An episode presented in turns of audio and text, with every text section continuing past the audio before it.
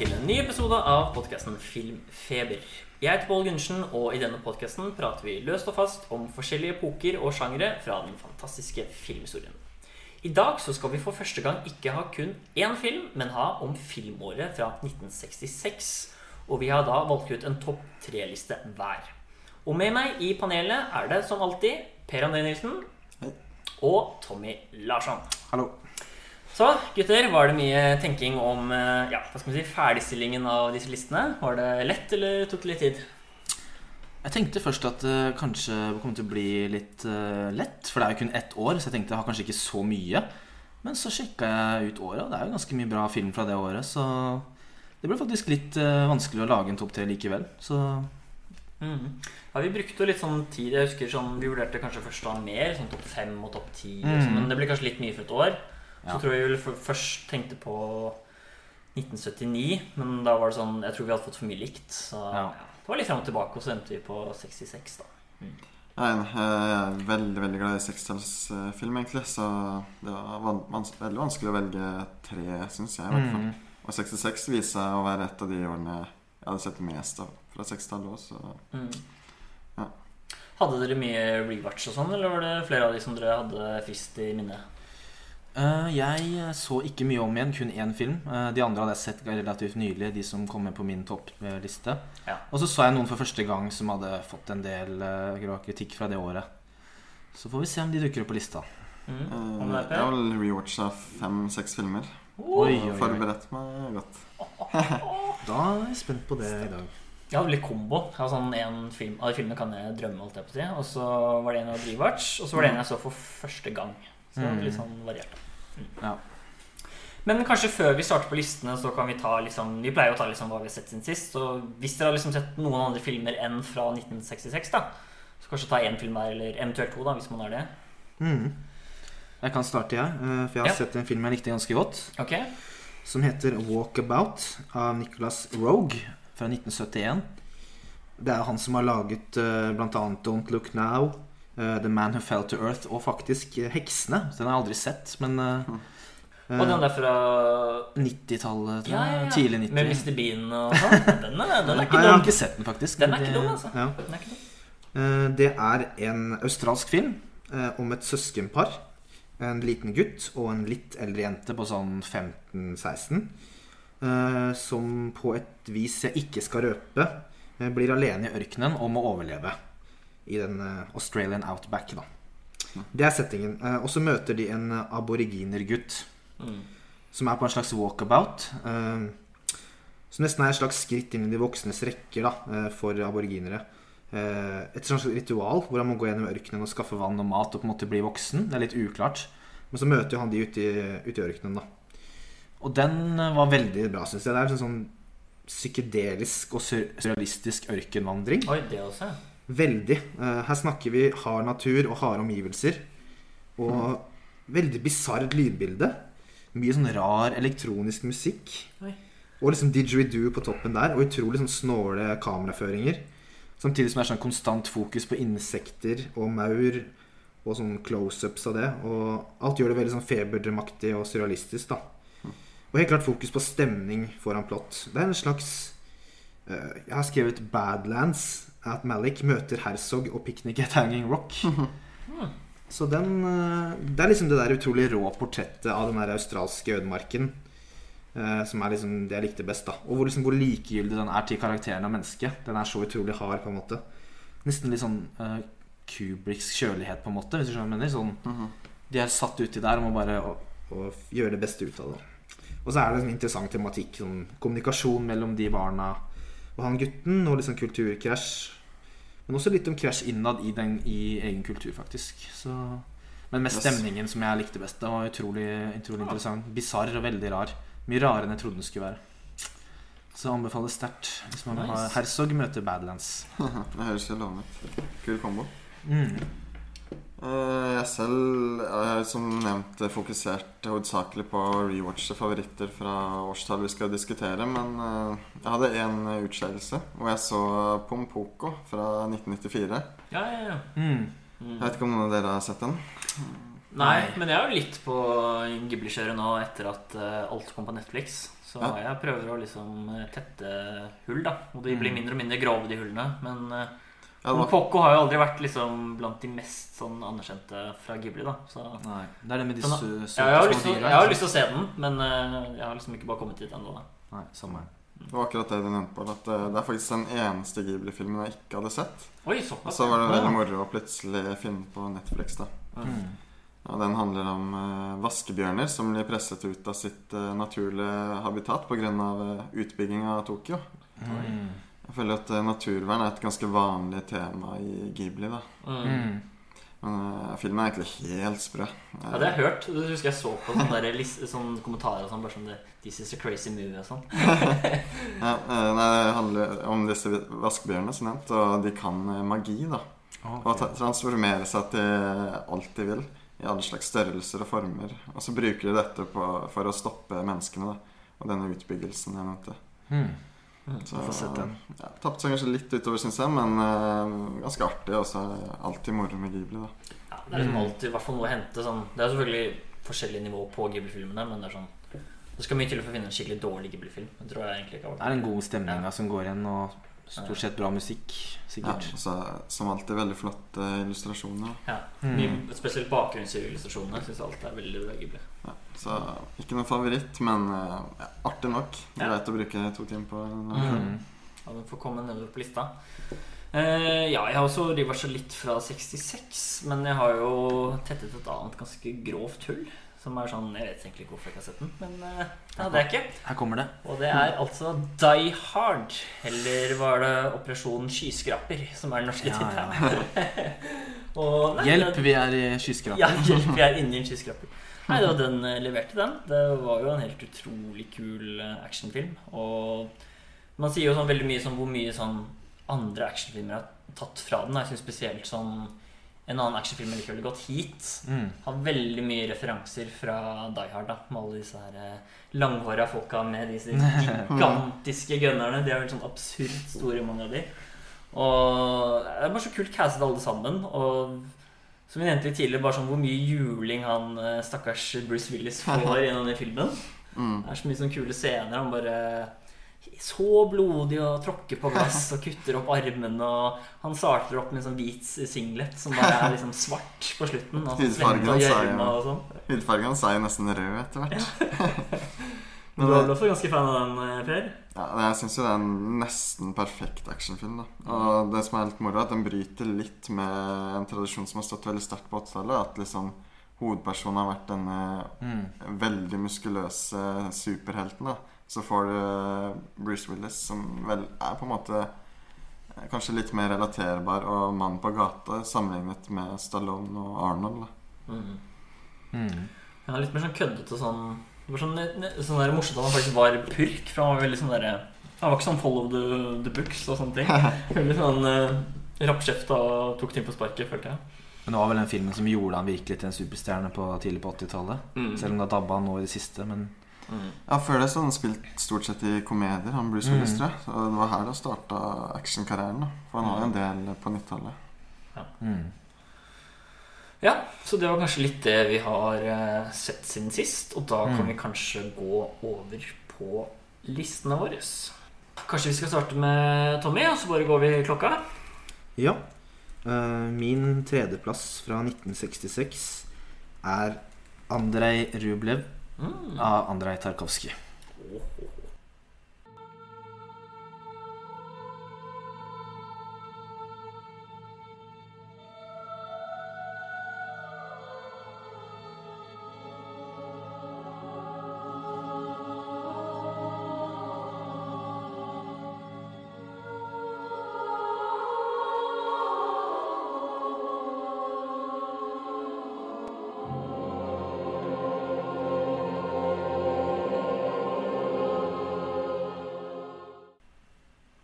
Først vil jeg bare si at uh, til- rekkefølgen på min liste er litt tilfeldig. Den, den bytta liksom på T-banen på vei hit til deg, Pål. Så, men sånn kro kronelig mynt. sånn det er litt vanskelig. Men uh, jeg føler i hvert fall den har en variert topp tre, og denne filmen skiller seg ut fra de to andre. Um, det er jo da en russisk film Og handler om en eh, kunstner på 1400-tallet, og hvordan han opplever store omveltninger i Russland, og krig, og fattigdom, og religion, og kunst, og hvordan alt dette blir behandla. Det er vel egentlig nesten synopsis det, er ikke, det er litt vanskelig å oppsummere film, egentlig. Ja, men det er bra. Sånn, bare sånn folk som ikke har hørt noen ting, liksom vet hva det dreier seg om. på en måte da Tre timer lang. Premisse, liksom. Og Mm. først kan vi kanskje si, spørre om Er det noen andre som har den på sin topp tre? Jeg kan si at jeg har den høyere. Du har det, ja? Si. jeg. Jeg har den ikke på listen min. Nei. ja, nei, det er jo denne, dette tre timer lange episke verket om Russlands historie, da. På en måte. Det er jo det jeg føler det er konklusjonen der. Og kunstnerportrett, da. Ja. Og han og, Jeg blir bare mer og mer glad i den på en måte etter hver gang jeg ser den. Konkurrerer litt med speil for meg om å være hans beste, på en måte. Den er så episk og massiv at jeg liksom ikke helt nesten vet hvor jeg skal begynne å prate om den, egentlig. mm. Veldig episk. Og liksom storheten i bildekomposisjonene er på en måte nesten min hovedgrunn til at jeg er så glad i den. da Og naturskildringene, naturskildringene i filmen og Mm. Mm. Ja, jeg er helt enig. Sånn, jeg hadde også den som mer sånn bra eh, Tarkovskij-film, men etter jeg så den igjen, så var det sånn Det er kanskje nesten hans beste. Jeg vet ikke, det er i hvert fall helt sånn For en episk reise, og det er noe av det beste kameraføringene og nesten regien jeg har sett. Tror jeg sånn, Ja, det er veldig høyt nivå på det. Det er noen sånne totalbilder hvor, hvor det er så mye som skjer. Det er virkelig sånn Hva skal man si Lawrence of Arabia på syre, føler jeg nesten. Det er noen sånne bilder Det hvor det bare er sånn dritmye. Det er sånn borg i bakgrunnen, så mye som skjer, og så kommer kamera og går ned i en gruve, og så er det plutselig sånn derre Alt i en tagning. Så ser du liksom folk står og snakker sammen, så går det opp igjen, og hele den krigssekvensen det er så vild, det er så vilt hva han driver med. Jeg, bare, jeg føler at han har sånn en unik kameraføring da, i filmen hans. Det er ikke sånn Det er ikke bare at det er long takes, Mm. men det er sånn Det er på en måte long som du på en måte nesten ikke ser. Når liksom Ja. kameraet bare svever rundt, og du føler på at sånn fysiske lover gjelder ikke, nesten. Nei.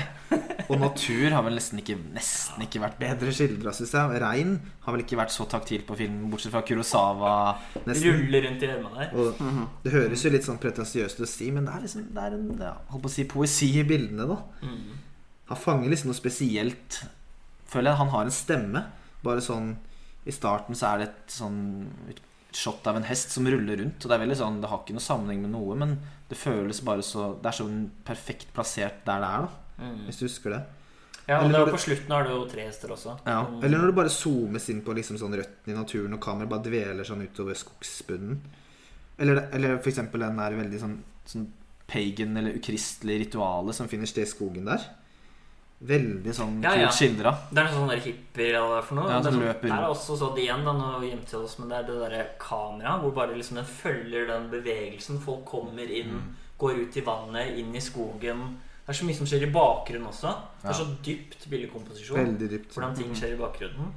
Og ja, Det er liksom selve filmskapingen da, som gjør at jeg syns det er så spennende. Og så skjer det også mye. Det er mange som kritiserer for at det er liksom treigt og kjedelig. Og man kan jo kanskje synes det, men jeg bare føler at det er så mye poker og så mye ting som skjer. da Han er virkelig på en sånn reise i starten hvor han er med disse andre som blir misunnelige på han fordi de er mye flinkere. Han, han, liksom ikke, nei, han er mye flinkere enn de, da, ikke sant? De har ikke så mye talent. Og så er liksom hele denne tingen opp mot religion og hans kunstnerskap. da Og så er den på en måte ganske konkret i forhold til mye annet av Tarkovskij. Det handler jo om én mann og et samfunn.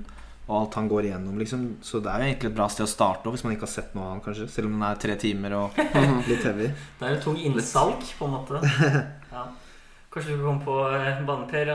Du er ikke så eh, jubel eh, som oss. Så Nei, eh, som du sier, så er det veldig mye teknisk som er bra med filmen. Så det ikke noe, jeg skal liksom ikke slakte den heller. Eh, men som dere to vet, så er ikke jeg verdens største fan av eh, Tarkovskij generelt.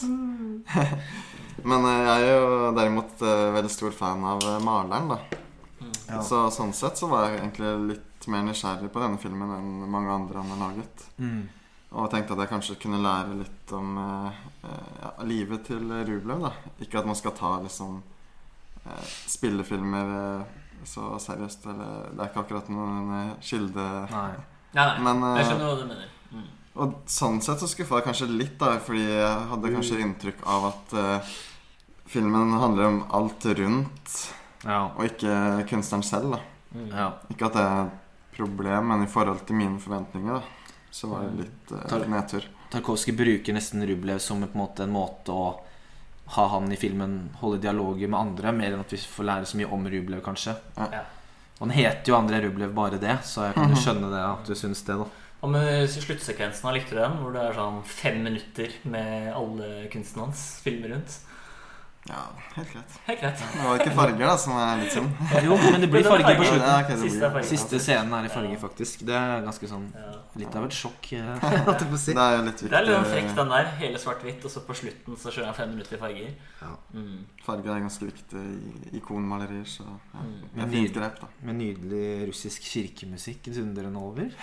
Dundrende. Det er nesten dundring, altså. Ja, det er høyt noen av de mest sakrale kortingene. Ja.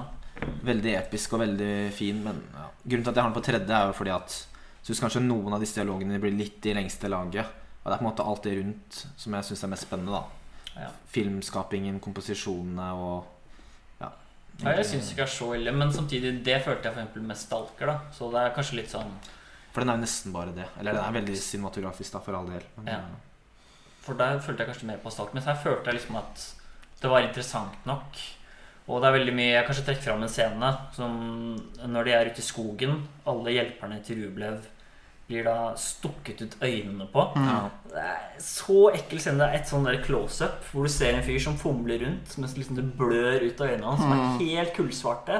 Og det er bare sånn, Du føler nesten du ser inn i sjelen hans. da Og etter det så blir jo for Rublev liksom en kjempe sånn at han bare nekter å male etter det. Da. Det er mye sånn derre De diskusjonene der syns jeg er interessante. Selv om jeg kan skjønne at de er litt lange, så er det sånn ja. Jeg syns det er spennende, det som kommer ut av det.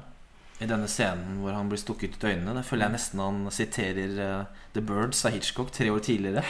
Det er faktisk ikke helt utenkelig. Det er, er en lignende scene der. Og blant annet også den scenen der en person som får en eh, pil i ryggen og faller Ja, ja. ut i en bekk. Så ganske Den, den sitter godt. Uh, Og så går liksom blodet ut over disse vannstrømningene. Da. Mm. Veldig sånn derre grov liksom vold mot natur. Veldig bra. og kameraet følger bekken videre, Ja. ikke fyren som falt uti. Det er også litt interessant. Mm. Så Veldig bra film, rett og slett. Ja.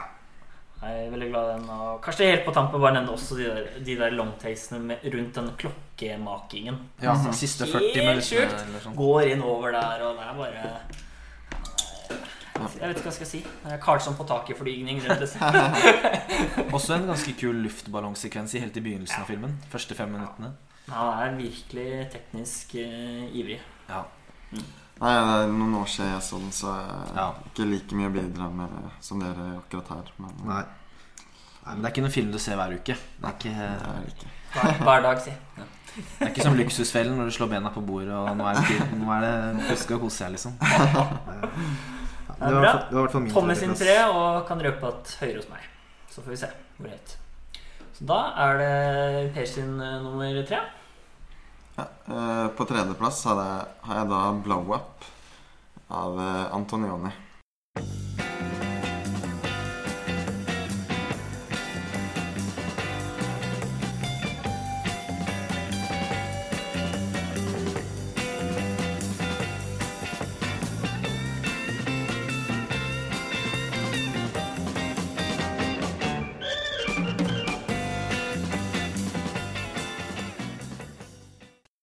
Jeg kan jo fortelle sånn veldig kjapt hva det handler om.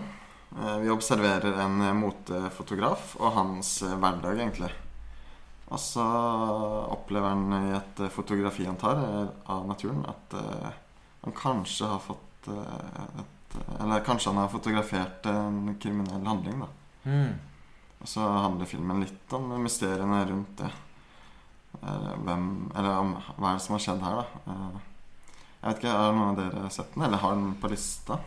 Jeg kan røpe at det er også min tredjeplass. Ja. Okay. Og jeg har dessverre ikke sett den, så jeg får sitte og skamme meg borti hjørnet her.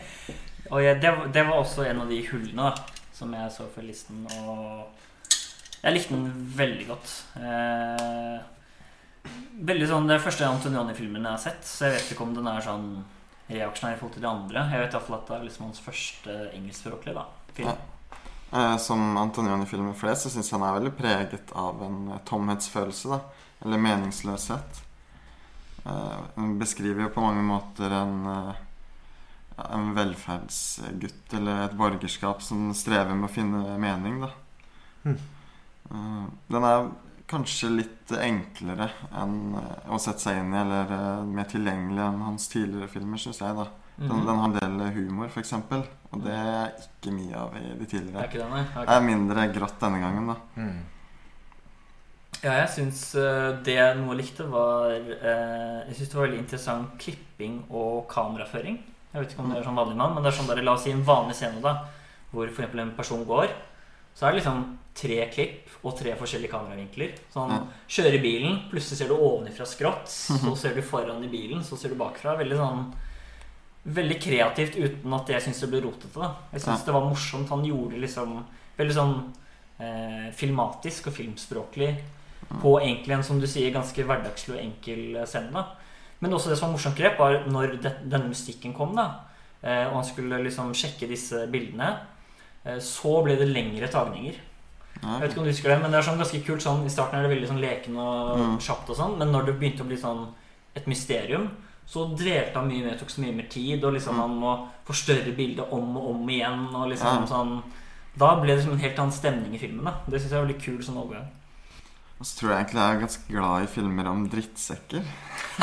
Ja, han, det er liksom bare Barry Lyndon-fyr. Han er ikke akkurat er hyggelig. såpass, ja. Han er veldig Fæl fyr, ass. Han eh, lyver og bøller med modellene han fotograferer, og er utro mot kjæresten sin. Og bestiller mat på restaurant som han går ifra før han får den servert. Og Du Kan jeg komme med ting? Er det litt Han ligner jo litt både utseendemessig og litt personlighetsmessig på eh, Clockwork Orange. det hovedpersonen. sant? Jeg har ikke tenkt på det, Veldig men lik. eh, Klare, lyseblå øyne og skikkelig drittsekk. Og, og fra England. ja. han er en sånn veldig frekk mot alle, egentlig. Samtidig som han er sykt overbevisende og vellykka det han gjør. da Mm. Så selv om han behandler alle dårlig, så strever jo folk etter å Eller streber for å jobbe med han, da. Mm. Det er morsomt. Jeg har jo ikke sett den, men er det, det er vel denne filmen som De Palma refererer til i Blowout, regner jeg med? Stemmer, stemmer. Det er Jeg husker egentlig ikke om det er så mye likhet med de egentlig. Ja. Istedenfor at han tar et bilde, så han spiller vel inn eh, noe kriminelt på lyd. Og så Ja. er det jo titlene er såpass like, ikke sant? Det er derfor jeg tenkte at det kanskje Nei, Formmessig så er det ikke så mye likheter, men eh, det er det samme utgangspunktet. Ja. Mm. Det er bare at uh, lydopptak istedenfor fotografi. Ja. Eh, jeg syns jo sånn stemningsmessig så er jo Antonioni ganske unik. Det eneste jeg kommer på som minner litt om han, er faktisk eh, Sofia Coppola. Som også har, liksom, beskriver samme uh, tomhetsfølelsen, eller uh, Mm. Så du har ikke den der eh, moteskrekkfilmfølelsen fra sånn Blood and Black Lace og sånn? Fra, eller sånn Mario Bava Ikke det Det er ikke den type For når det er sånn 60-tallsmote, så får jeg, tenker jeg automatisk på det Nei, selv om det er liksom krim er et uh, underliggende tema eller liksom sjanger, så er, Mm. så er det ikke det det fokuserer på egentlig. Mm. Men jeg syns fortsatt også, selv om den er veldig nedpå, så er det også ganske bra driv, da. Fordi det er jo en veldig sånn spennende filmidé. i det, Mm. at han liksom bare Han bare går rundt og filmer, og så bare plutselig ser han noe, og så bare ser han mer, og så ja, Vi trenger ikke røpe hva som skjer, men det blir mye mer sånn oppslukt i hva dette er for noe. da Og så Mm. går han selv på en reise etterpå. Så det er sånn Det er sånn spennende mystikk i den også i tillegg, syns jeg. Og jeg syns det er gøy hvordan han leker med kameravinkler og klipping. da Så jeg blir veldig fornøyd. Syns det var en veldig bra film. Kommer til å se mer Antonioni Ja, jeg kommer til å gjøre det. Mm. Så bra. Ja, og det som jeg også nevnte nå kjapt, så er jo da min tredjeplass også Blow Up. Så da kan vi gå over til Tommy sin andreplass. Ja, eh, min andreplass fra 1966 er da Ingmar Bergmans Persona.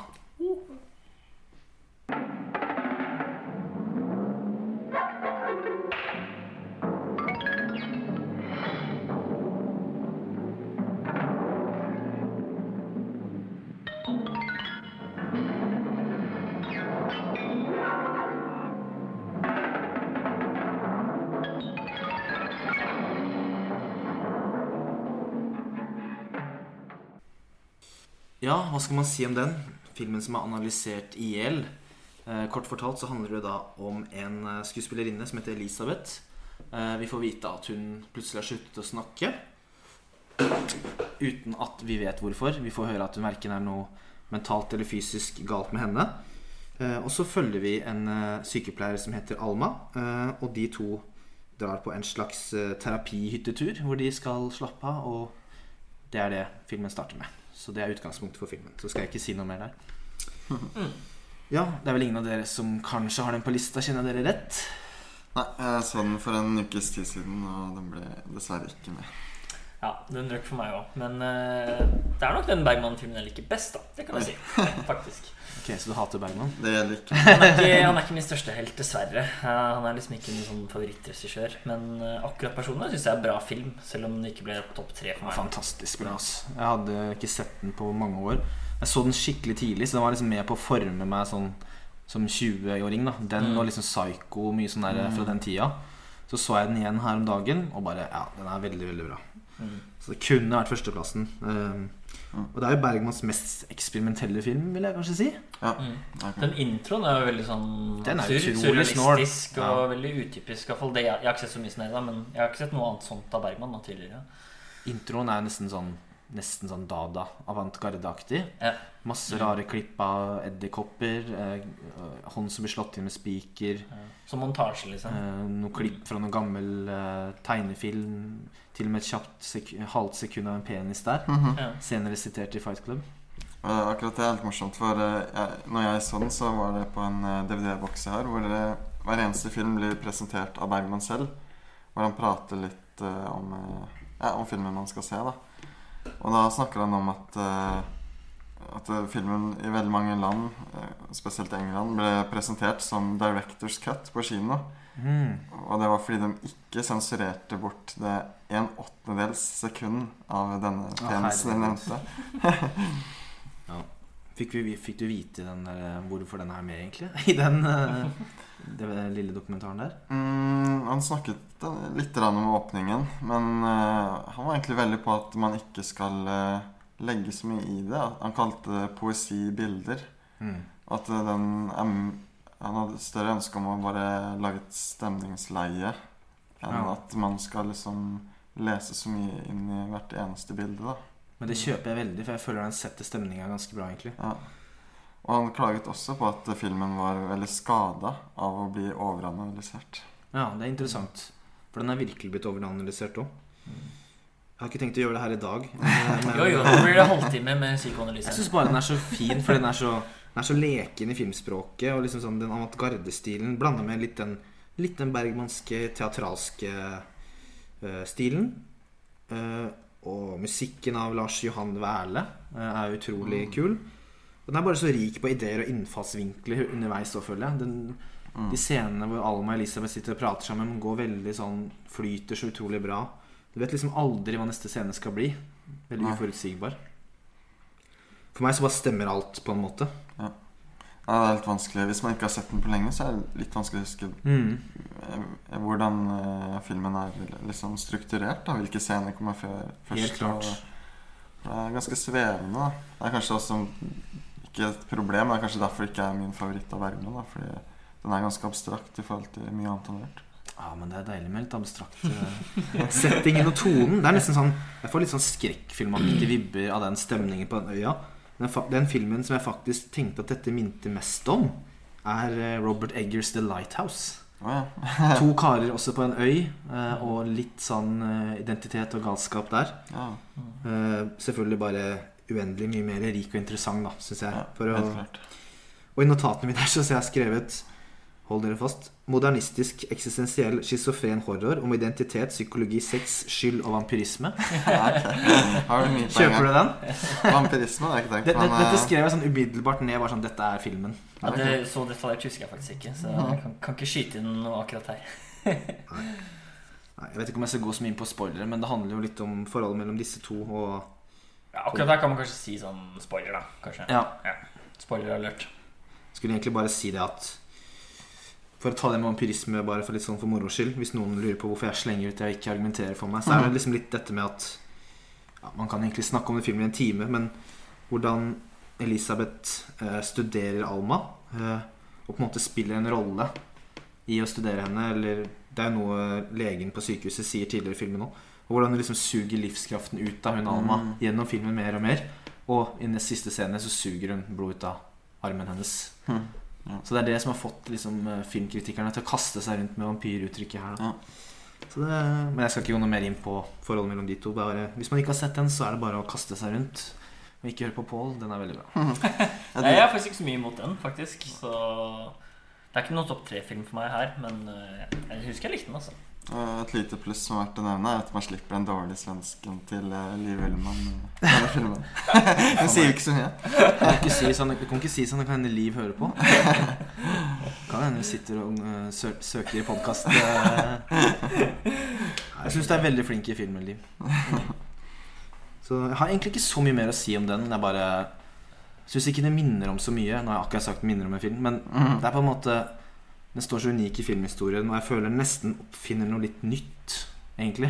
Det minner litt om sånn tidlig avantgarde kunstfilm. Nesten kanskje litt sånn noe det Kenneth Anger drev på med. Men Ja. til å være såpass stor som den var og er og står, så står den veldig unikt for meg. Så veldig, Ja. veldig bra. Jeg synes filmen ser veldig bra ut. Det er verdt å nevne. Liksom Høykontrast, kontrast, sort-hvitt. eh, Mm. Veldig vakker. Mm. Får mye ut av den. Så det var min andreplass. Good. Da kan vi ta Per sin eh, andreplass. Ja. min andreplass er en fransk film som heter uh, Un homme un une femme av Claude Lelouch. Eller Lelouch, kanskje. Jeg vet faktisk ikke hvordan du sier hans navn. eh. Ikke snøring. Nei.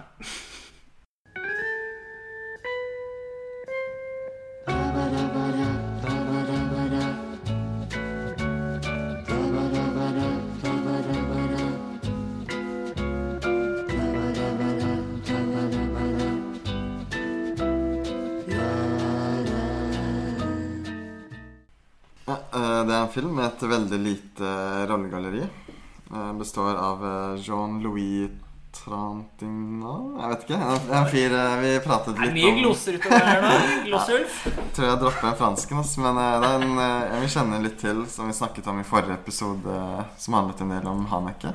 Ja. Dere kjenner kanskje til han fra Stemmer. Det er vel han fra Amor. Amor, eh, hovedsakelig. Ja. Og hjelper ikke med seks år med fransk på ungdom. Grunnskolen her. Nei, Altså. rett på Google Translate og bare håpe på det beste. den har jeg glemt for lenge siden. Ass. Ja. Og Anouk er med, eh, tror jeg. Ja. Ja. Og noen veldig få små biroller. Ja, men vi følger hovedsakelig to personer av hvert kjønn Mm. som eh, leverer barnet sitt på samme skole og treffes eh, gjennom barna sine da, og finner etter hvert tonen. Og det er så åpenbart at disse to personene passer sammen, men de har da en fortid som holder dem litt tilbake. Og dette er utgangspunktet for filmen. Eh, Etter hvert så lærer man Eller etter hvert som de lærer om hverandre, så får man eh, presentert mange flashbacks. Og det som er interessant med disse, er at eh, filmen er jo egentlig hovedsakelig i ikke sort-hvitt, men blåtoner. Mens flashbacks er i farger, da. Mm. Og så har man i tillegg eh, fantasier i sepiatoner. Yes. Så det er litt sånn eh, morsomt fargespill eller eksperimentering med, Ja. med toner. Det er mye variasjon, da, hvordan de har gjort alt det. Det høres så veldig spennende ut. Mm.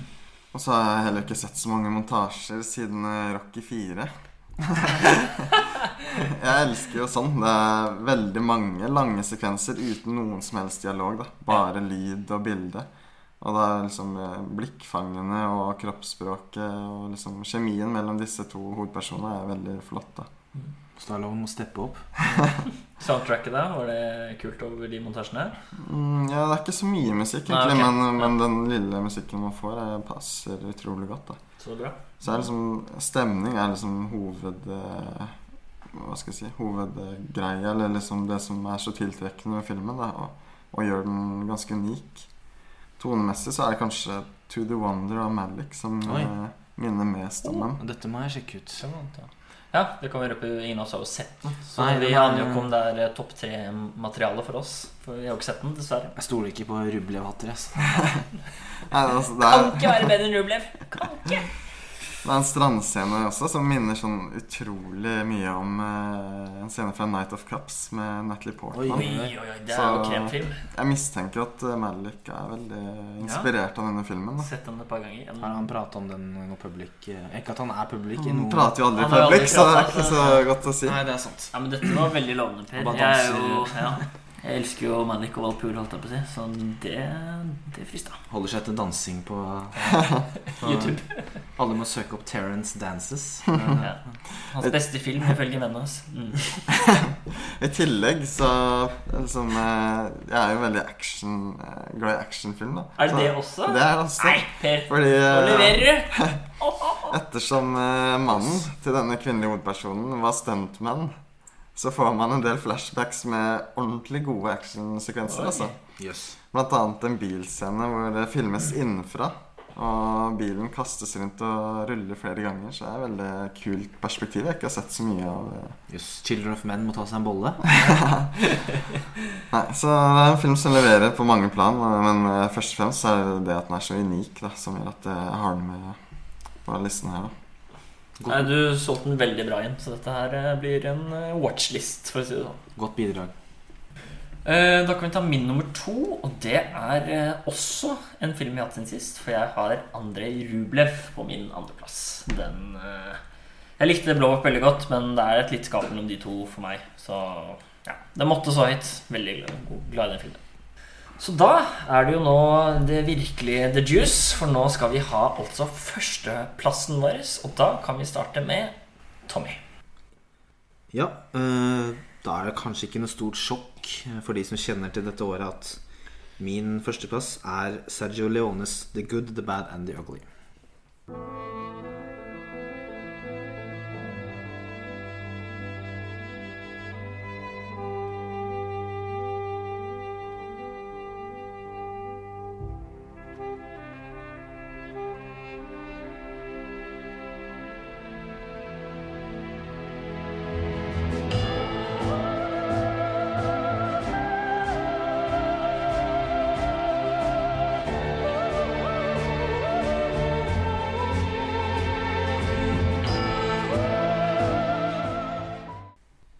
Først, er det, jeg håper virkelig på mye og ber mine knær at uh, dette, dette er også deres førsteplass. Det er det. Det er noe av det letteste valget jeg har gjort i mitt liv. Ja, det er topp ti for meg all time, så den måtte, den måtte med. For meg var det faktisk ikke det letteste valget, som jeg sa i stad, om at jeg sleit litt. Men vi, det var faktisk litt at vi hørte på musikken her i stad, som gjorde at jeg innså at dette er faktisk en film jeg liker best, som å være ærlig med meg selv. Mm. Eh, Den handler jo da om tre eh, cowboyer eh, med litt forskjellige motiv, som alle er ute etter et felles mål, å finne en skatt. Mhm. Eh, og reisen deres på forskjellige måter mot det målet. Eh, og eh, ja, det er jo egentlig hele plottet. Den er tre timer lang, bortimot. Og Ja, det er bra synopsis, det. Og det er jo en skikkelig spagetti-western. Virkelig Ja. sånn der inspirasjonskilde til Quentin Tarantino, blant annet. Han Ja. elsker jo disse filmene her. Og det er jo mye av liksom bare filmskaping også som er så utrolig kul. Sånne Nesten sånne Leone-shots har liksom Ja. jeg fått sånne der uttrykk. Sånn hvordan kameraet bare liksom går innover mot et eller annet. Og så mye sånn nærbilder, eller også at det zoomer fra førsteperspektiv. da At du liksom eksempel ser fra en person og liksom ser inn mot et eller annet. Mye sånne morsomme kameragrep da som jeg liker veldig godt med filmen. Det er vel også dette at det, det liksom, bildet stopper, og det kommer litt tekst på bildet. Mm. En veldig kul scene hvor liksom en karakter For eksempel da The Ugly Tuco hopper ut av et vindu med noe kylling i neven. Ja, ja. Veldig kule introduksjonsscener på alle tre, rett og slett. Mm. Og de tar, tar seg ganske god tid med introduksjonen av alle tre før det på en måte virkelig starter. da Mm. Ja, men det er veldig sant. Det, det der fryse bildet og så Mm. slenge på en tekst hvor det står navnet til karakteren. eh, Det er Tarantino som har stjålet. Kommer derfra. ja Per, du har liksom kanskje sett mest eh, spagetti-western, er det ikke det? Sånn Syns du den her skiller seg fra resten? Jeg har sett en del, ja. Men Ja. det er jo, dette er jo midt i gullalderen, på en måte. Mm. Og det som kanskje Ja, det er jo flere filmer fra 66 som kunne vært nevnt. Eh, Django og Sant. Navajo Joe av samme regissør. Av mindre kjente Sergio. Eh, Sergio Cor Begge de også fra 66? Ja, Sergio Corbucci som lagde to samme år. Ah, Men det som skiller den her eh, ut, er at den er på en måte som mest storslagen. Ja, Den, den har virkelig svære scener. ja. Det er liksom toppunktet innen den type stil. Den når liksom sin, sin topp. Det er liksom veldig Det er en bombardering av filmuttrykk, på en måte. Mm. Liksom den intense Morrico Ennio Morricones musikk, og liksom den Det er veldig spennende, egentlig. Suspensen i scenene. Karakterene. Det er liksom, den er bare fylt opp av alt det som gjør film bra, rett og slett. da den, Ja. Og den coolness, på en måte, stilen, den fant den nesten opp. Godard har jo også litt cool Ja. cinema, men jeg skjønner hva du mener. Ja den, ja, den fant opp på en måte litt den mer tydelige coolnessen. da Tarantino har jo lånt både av Godard og Leone, så det du er inne på noe der. Den har liksom Den har alt. Da, Den er antitesen til Mulan, vil jeg kanskje si. Som ikke har noen ting. Ja. Ja. Nei, men Siden du begynte å si uh, Morricone, så må vi kanskje bare fortsette der. Det er jo noe av det liksom aller beste med filmen. Og jeg, jeg føler kanskje det er noe av det, liksom, det beste innenfor filmmusikk sånn all time. Det er sånn Ikke bare sånn personlig, men bare sånn jeg syns det passer så sinnssykt bra. Sånn, mm. Det må jo er. være et av verdens beste soundtrack. Ja. Og det er så mye Ok, det er den kjente, da. Som, dette er som han sa at han bygde på Hva var det? Coyotehyl, eller noe sånt. Han ville at det skulle høres ut som det. Mye sånn trompeter og, og det som er litt kult med det selve hovedtemaet, er at det er nesten bare fullt i starten og slutten. Mens i løpet av filmen så er det sånne små eh, nyanser, eller hva man skal si. Det er sånn litt sånn dululu, Kanskje Mm. bitte litt sånn, sånn oppbyggende, da. Ah. Eh, jeg syns det er så kult hvordan han liksom leker seg med det soundtracket han har. I tillegg til liksom to andre jeg må trekke fram. 'Ecstasy of Gold', denne sinnssyke episke liksom, inngangen til sluttscenen. Ja. Og The Trio, hvor er disse der gitarklimpringen. Mm. Hvor de sitter og har sånn Mexican duel, tre stykker, og bare ser på hverandre. Og liksom Alt dette her, da. Det er så sinnssykt gjennomført. Og han sa jo også at han, eh, Maricone lagde musikken først. Okay. Så grunnen til at mange av disse scenene er så lange og dveler, er fordi han hadde ikke lyst til å kutte av musikken. For han syntes den bygde så bra. Så han liksom tok Oi. eh, scenen til musikken først. da. Så det er liksom kult at Maricone hadde litt makt der. da Og lagde liksom, Han fikk bare beskjed sånn Dette skal være intenst. Og så lager han musikken, da. Så Leone måtte egentlig bare følge etter Maricones eh, scenene, ja. oppdrag der. Mm. Klippingen også i, det, i de scenene hvor musikken står på for fullt. Det er liksom, Jeg har nesten ikke sett noe bedre suspens, på en måte. Mm. Så høy musikk også. Ja, Mm. Stemningen generelt. Så jeg føler liksom Det fanger veldig den tidsånden som var det det, der, det krysningspunktet mellom på en måte den der lovløse ødemarken, som man hadde jo sett i western før, men det er på en måte skrudd opp i spagetti-western. Samtidig som det møter den der borgerkrigstemninga borgerkrigsstemninga i USA, på en måte. Mm. Som vi også får en ganske lang scene med. Mm. Så den binder jo opp en del historie sånn sett òg. Og en del humor òg. Kanskje vi må trekke fram eh, Tuco, som eh, er eh, på en måte Hva skal man si mellomskurken. For det er liksom Clint Eastwood skal på en måte være han personen du følger. Og så er det jo eh, han hovedskurken. Men så er liksom Tuco liksom midt, midt imellom, på en måte. Det Lee Van. Cleef som Ja. The Bad. Ja, han er liksom hoved.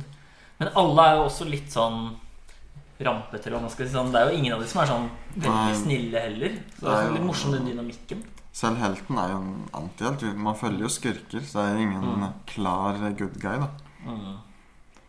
Selv om man empatiserer mer med noen enn andre, kanskje. Ja. ja. Det òg, kanskje. For du får liksom sånn der, du syns litt synd på han òg. For han får liksom bakhistorie at han mista kontakten med familien sin, og ingen liker han. Og han blir sånn stakkarsliggjort, på en måte. Samtidig som han er sånn ja, grusom fæl fyr egentlig Mhm. også. Så det er liksom den dualiteten i rollekarakterene. da Ja, han har noen øyeblikk hvor det er Mm. liksom Man snakker om ensomheten. da mm.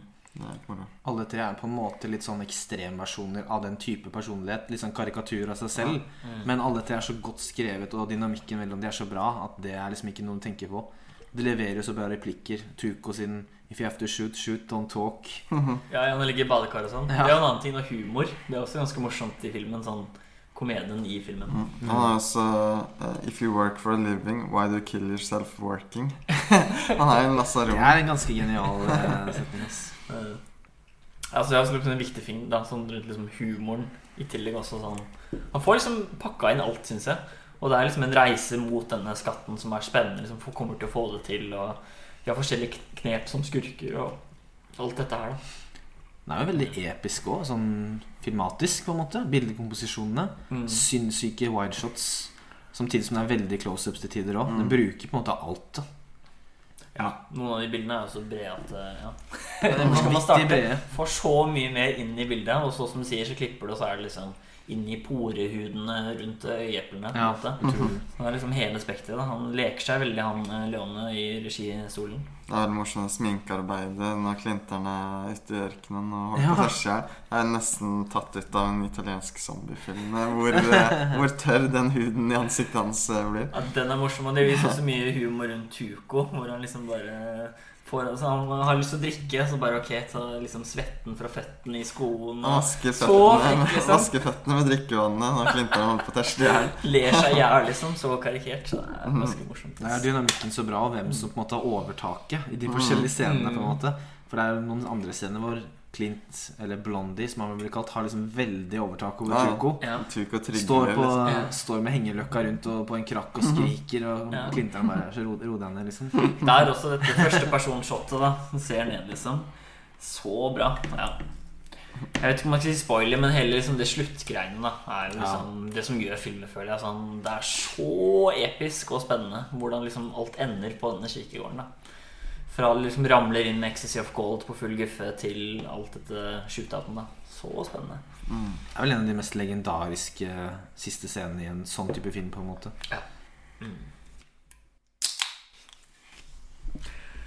Nei, så ja, den, eh, den måtte rett og slett bare ramle inn på førsteplass hos meg. Og det er en film jeg på en måte ser for meg at jeg liksom bare kan se om og om igjen. Det er så kul. Underholdende. Og det at alle her nå har den på førsteplass, er på en måte et bevis på at film kan være spennende tematisk, men når du får alle de filmuttrykkene slengt i trynet, og når du ser den med full lyd, så er det på en måte Mm. Det er dette også mye av det film handler om, på en måte. Mm. Bekrefter jo Det er jo, over, det er jo ti år siden jeg så den første gang, og det bare, den leverer hver gang, på en måte.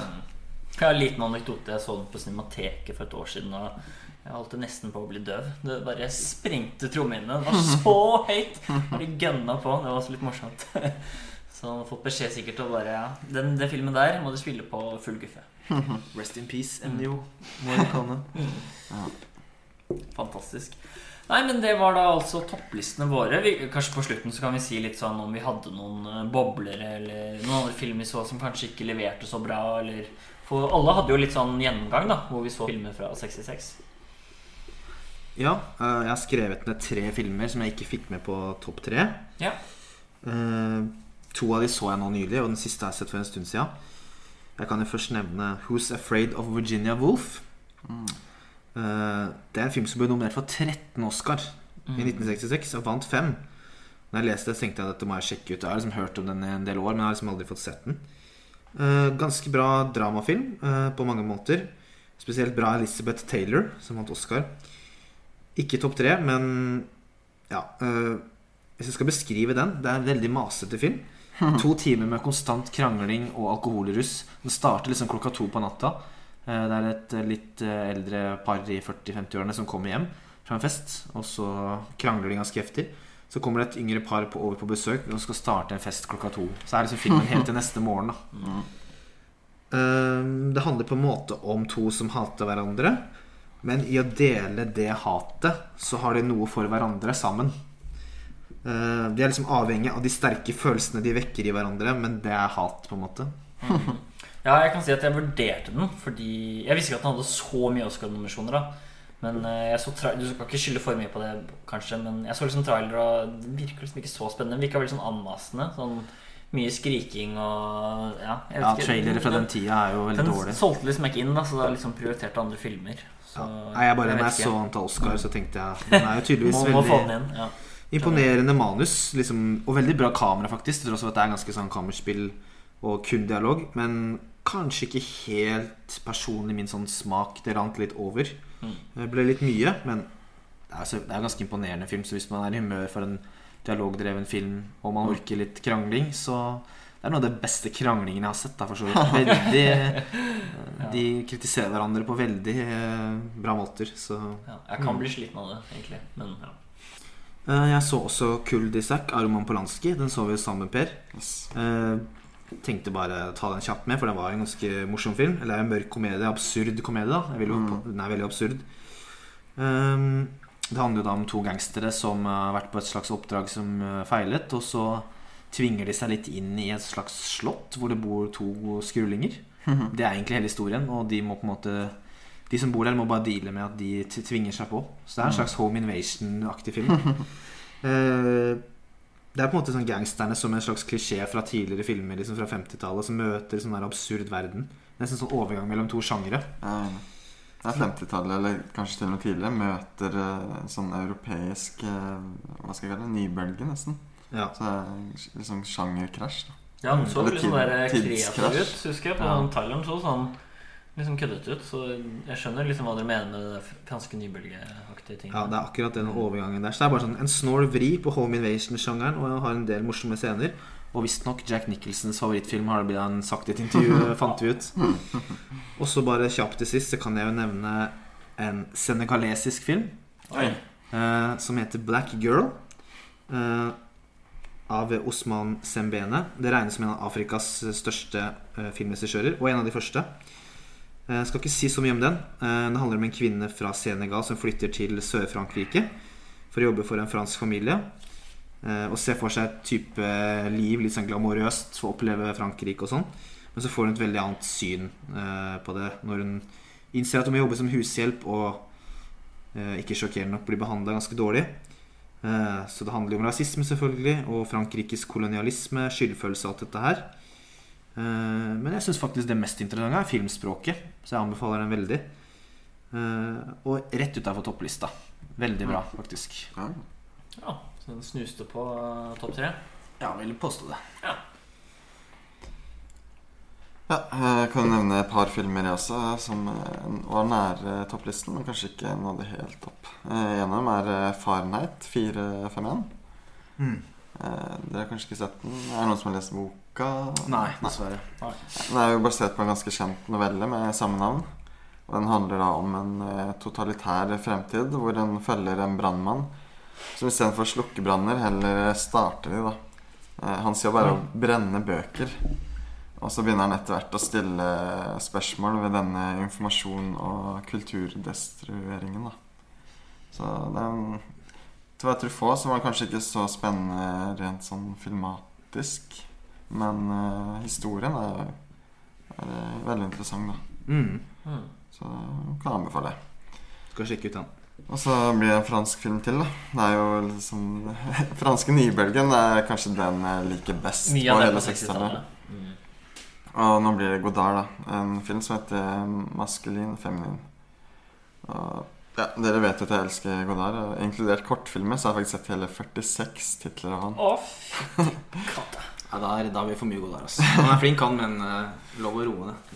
Da. Eh, Denne skuffet kanskje bitte litt ved gjensyn. Eh, Stilmessig så går den rett inn i gullalderen hans, som jeg regner frem til 67. Mm. Det er, hovedpersonen er Jean-Pierre Léaud. Kanskje mer kjent fra The Adventures of Antoine Duanel. Som starter med The 400 Blows av nevnte Truffaut. Ja, han er jo en legende, for å si det sånn. Ja, eh, dette er da hans første store rolle eh, i samarbeid med Godard. Da. Og han er også kanskje filmens høydepunkt, egentlig. Mm. Eh, Problemet er kanskje at det mangler litt av energien fra Godards beste filmer, syns jeg. Og det er litt moro at filmen er ganske selvbevisst på akkurat dette problemet. da For han eh, nevnte Leo blir jo kritisert av kjæresten sin for å ikke være en Pierrot Lefaux, som er Ah. en eh, tidligere karakter eh, Mm. og film av Godard. da Nettopp. Men eh, ja, ganske fin, selv om det ikke er hans beste. da skjer det veldig mye rart. Jeg føler han har liksom der forskjellig spekter på sånn Kanskje The Viken er kanskje det ofte jeg har sett da, hvor Godard liksom blir på sitt uh, villeste. I er hvert fall på liksom av den tida, da. Den tiden, han har da, i hvert skrudd mer opp i senere Ja. tid. Ja, jeg syns jo på en måte Godard Eller eh, Weekend er eh, Der det begynner å gå litt galt. da Hvor det blir sånn surrealisme og veldig politisk. Ja. Og selv om eh, politiske situasjonen i Paris og kritikk mot eh, Vietnamkrigen og sånn eh, nevnes flere ganger, så, så er det ikke en politisk film, altså. Nei.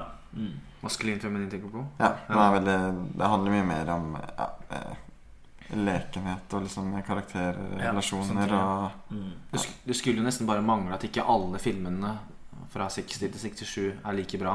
Han hadde jo et helt sinnssykt produktivt Veldig produktivt ja. Eh, Pumper jo ut én til to filmer i året.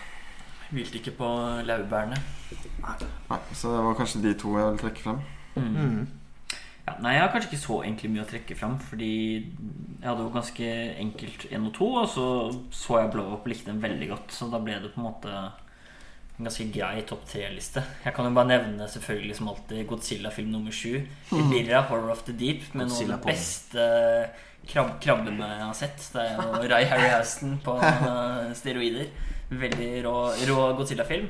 Ellers er jeg også veldig glad i Sean Connery fra denne perioden, da som James Bond. Det kommer jeg sikkert også tilbake til senere. Jeg er veldig glad i James Bond, Sean Connery, men han hadde ikke film i 66. Så hadde en av de filmene vært ute da, så hadde jeg sikkert hatt med det. Du måtte stikke inn han, ja. måtte få inn han der. Men eh, nei, så egentlig ganske greit. Bobler, ja. Kanskje Persona, da, hvis jeg hadde sett den igjen. Det var jo en film jeg likte godt, så jeg ser for meg kanskje den kunne vært topp fire. Det syns jeg. Jeg har også sett Godzilla-filmen. Det er jo en eh, strandvolleyballscene som bør nevnes der. Når han slår med den steinen og sånn. eh, Top notch. Jeg føler bare også vi må nevne eh, The Battle of Algiers. Den, er, den så jeg for ti år siden, så jeg husker oh, ja, ingenting. ja. Men den, ja, den har ikke jeg sett. Eh, Nei, så det, det burde jeg sett på nytt, men det fikk jeg ikke tid til.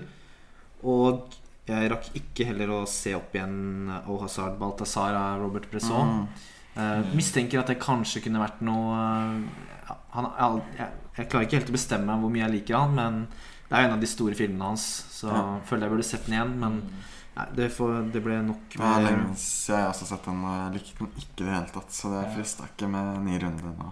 Var det ikke noen sånn Batman-film òg fra 66? Jo, Kunne kanskje sneke seg inn. det var noe Adam god dag. West-Batman der. På en god dag. Vi kan jo også sånn på tampen ta litt om trender, da. Eh, litt om epoken, på en måte. Noe som slo meg, og som vi nevnte Per når vi pratet om dette, var liksom hvor utrolig variert film var på det tidspunktet her, når vi så på alle disse filmene. Mm. I forhold til nå, hvor på en måte mye forskjellige uttrykk og stiler det er. Så noe jeg noterte meg, var liksom at så Selvfølgelig, USA preger jo tiåret, selv om vi ikke har snakka så mye om det. Eh, og det satt jo igjen mye fra 50-tallet, selvfølgelig, med sånn technicolor og episke verk og sånne store studieproduksjoner og sånn. Eh, og musikaler vant ofte Oscar og sånn. Men på 60-tallet så ble det liksom mer vanlig med kanskje samfunnskritiske filmer. Også liksom mer modernitet og rene dramafilmer som ikke nødvendigvis må være sjangerdrevet. da Mm. Og så legger jeg merke til at liksom psykologisk horror tar ganske mye over. Mm. Peeping Tom og Psycho og liksom voyeur-type horror. Repulsion jeg nevnte Polanski Mm. Og Mario Bava, som jeg prøvde å sammenligne med Blow Up Mhm. i stad. Men uh, sci-fi ble liksom utpreget bedre. Mm. Mer imponerende. Liksom mindre B-filmaktig, da. 2001, Plant of the Apes, Barbarella, kanskje til og med. Uh, ja. Det var egentlig det. Jeg Vet ikke om dere er enig i det, men eh, Ja, det var en veldig nyskapende periode. Kanskje spesielt i Europa, tenker ja, jeg. da både Ja, særlig der. Det er, det er veldig mange eh, suksessfulle filmer, selv om de er ja, totalt forskjellige. da Så det utvikla seg mange nybølger. Europa Mm. bana jo vei for det som de tok opp på 70-tallet i USA. Ja. Med på en måte fra studieproduksjoner til mer eh, filmer på gatenivå. Mm. Kan også nevne at det var også innenfor gullalderen til eh, Japan. Det var jo sånn slutten av 40-tallet til sånn midten av 60-tallet. Så var det sånn virkelig gullalder med veldig mange gode regissører. Osu, eh, Kurosawa og Kobayashi. Da. Så Mm. det var mye interessant rundt den tiden hvor liksom mange regissører liksom prøvde seg fram og var ganske lekne i filmatiseringen og uttrykkene. Ja, nei, men Det er kanskje listen vår da. Eh, som alltid, tusen takk for at dere hører på oss. Og dere kan finne oss på eh, Instagram. Der heter vi altså Filmfeber. Og så har vi også filmfeberpod at gmail.com hvis dere har lyst til å sende inn spørsmål. Det er veldig hyggelig. Så ja, tusen takk for at dere hører på oss, og takk for i dag, eh, gutter. Ha det bra. Ha det godt.